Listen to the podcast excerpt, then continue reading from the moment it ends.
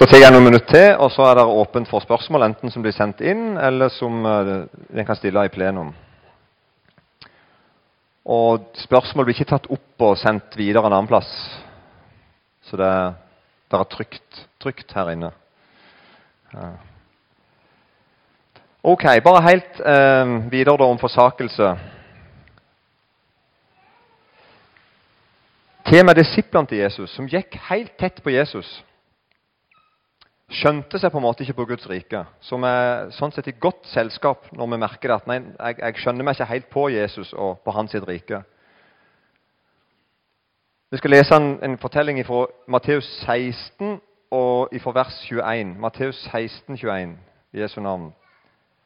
Fra den, tid, fra den tiden begynte Jesus å gjøre det klart for disiplene at han måtte dra til Jerusalem og at han skulle lide meget av de eldste og ypperste prestene og de skriftlærde, at han skulle bli slått i hjel, og at han skulle reises opp den tredje dagen.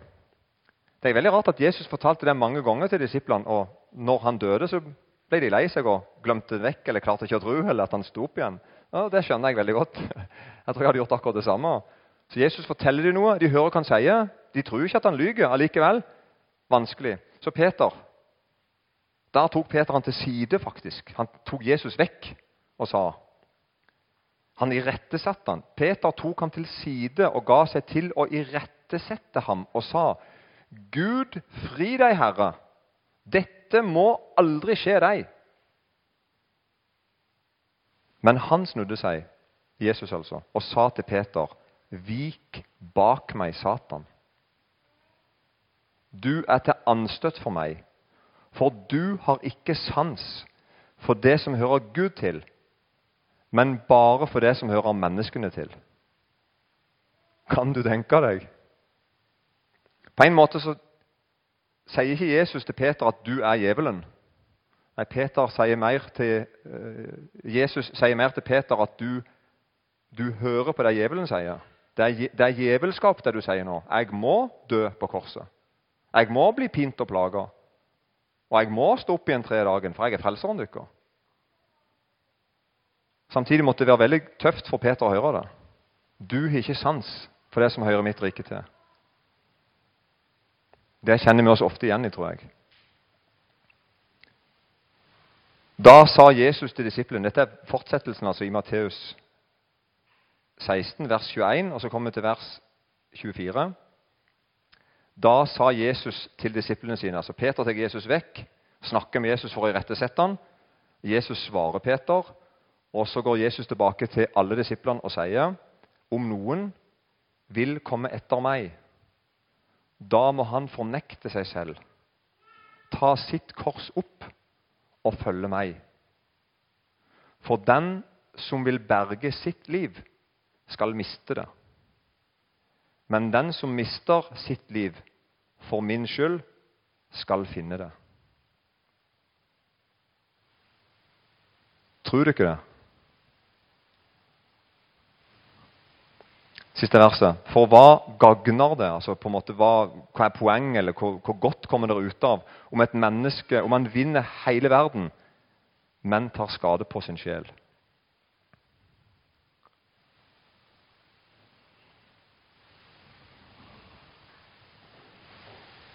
Hvis du vil berge livet ditt, så må du rett og slett miste det. Det forkynner Jesus til alle sine disipler.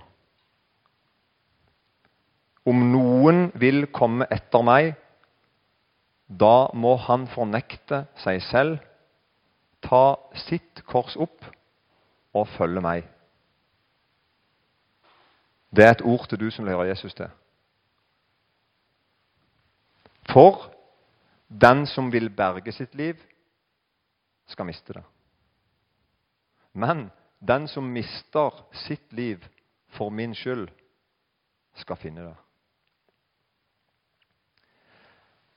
Nå snakker jeg så mye som en gammel mann. Jeg, er ikke så gammel, men jeg dykker på ul, og dere er yngre enn meg.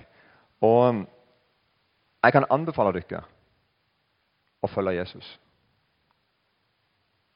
Jeg kan anbefale dere og mister dere sjøl.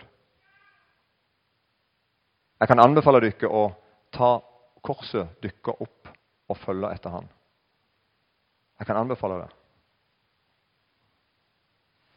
Jeg kan anbefale når folk ler av deg, flirer av deg, snakker negativt om deg når du gjør det. Og jeg kan love deg en ting.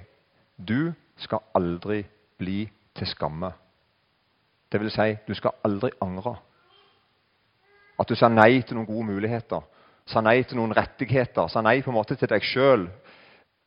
Skilte deg ut ifra alle de andre kanskje rundt deg. Kanskje ikke alle de andre, men de fleste andre. Gjør det.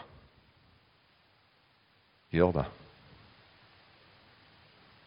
Og det som er rart, er at når du mister livet ditt, så finner du det. Så Jeg snakker ikke om at du skal gå rundt og dø. på en måte, punktum. Nei, du skal gå rundt og leve. Ved å gi opp ditt eget liv. Du forsaker det. Så jeg vil, vil høre deg til Jesus.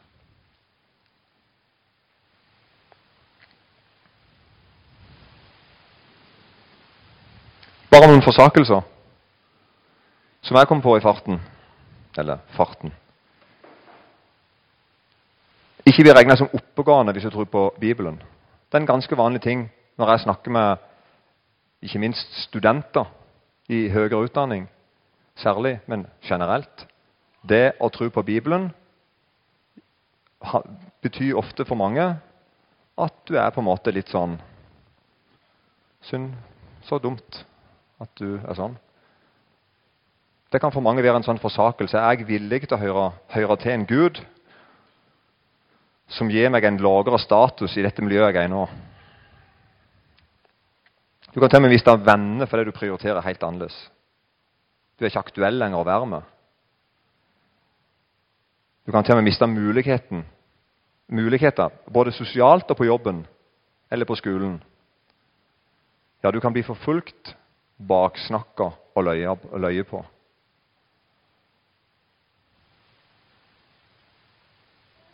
Og Når du står der foran Jesus, så er det disse tingene han snakker med deg om.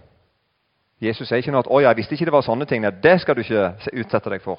Nei, Jesus sier ja. Det er litt sånn å høre Jesus til. Men det er verdt det. Fordi at du har funnet en skatt. Du, det er et poeng med forsakelsene dine. Du er ikke med i en trist klubb. Klubben som sier nei til alt. eller, Skjønner du? Nei, det er en grunn for det.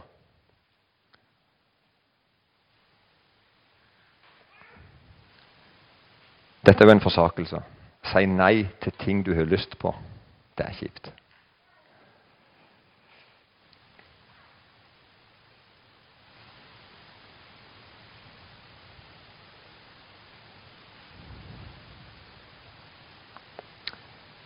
Men som sagt, du vet du egentlig vil forsake. Du vinner alt på det, for du vil høre Jesus til. Paulus sier sånn, helt til slutt, Paulus sier sånn i Filipperbrevet 3, vers 7-8. Så sier faktisk Paulus sånn at Men det som var en vinning for meg, det har jeg for Kristi skyld aktet som tap. Han har fått en, måte, en ny måte å regne på og vege på. Ja, jeg akter i sannhet alt for tap fordi kunnskapen om Kristus Jesus, min Herre, er så mye mer verd. For Hans skyld har jeg tapt alt. Jeg akter det for skrap for at jeg kan vinne Kristus.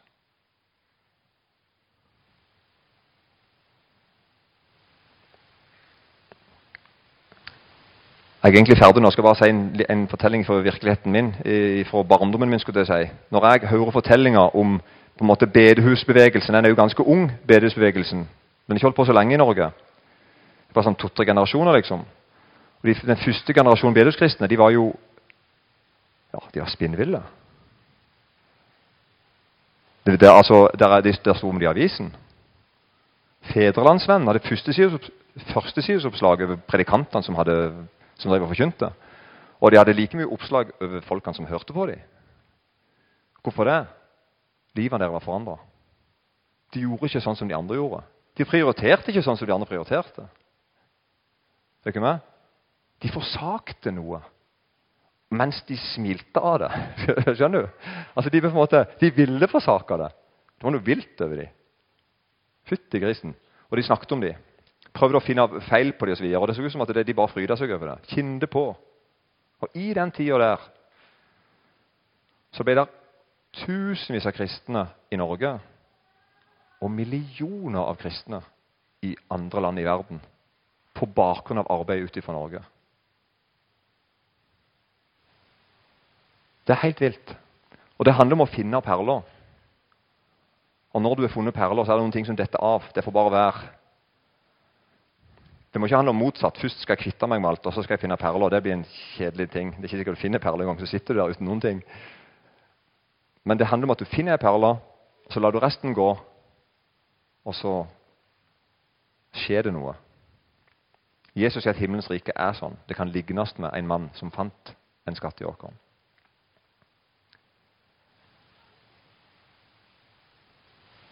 Kjære Jesus, takk for de som har forsagt noe før oss. Foreldrene våre, kristenlederne våre, misjonærer. Som er villige til å gi avkall på noe for å fortelle om Jesus til noen andre. For å hjelpe noen andre. Takk for alle som kjemper imot ondskap. Takk for sykehus og leger. Takk for skoler, barnehager. Takk for gode naboer. Takk at det fins godhet i verden fordi at du er god. Takk at alt ikke er ondt. Amen.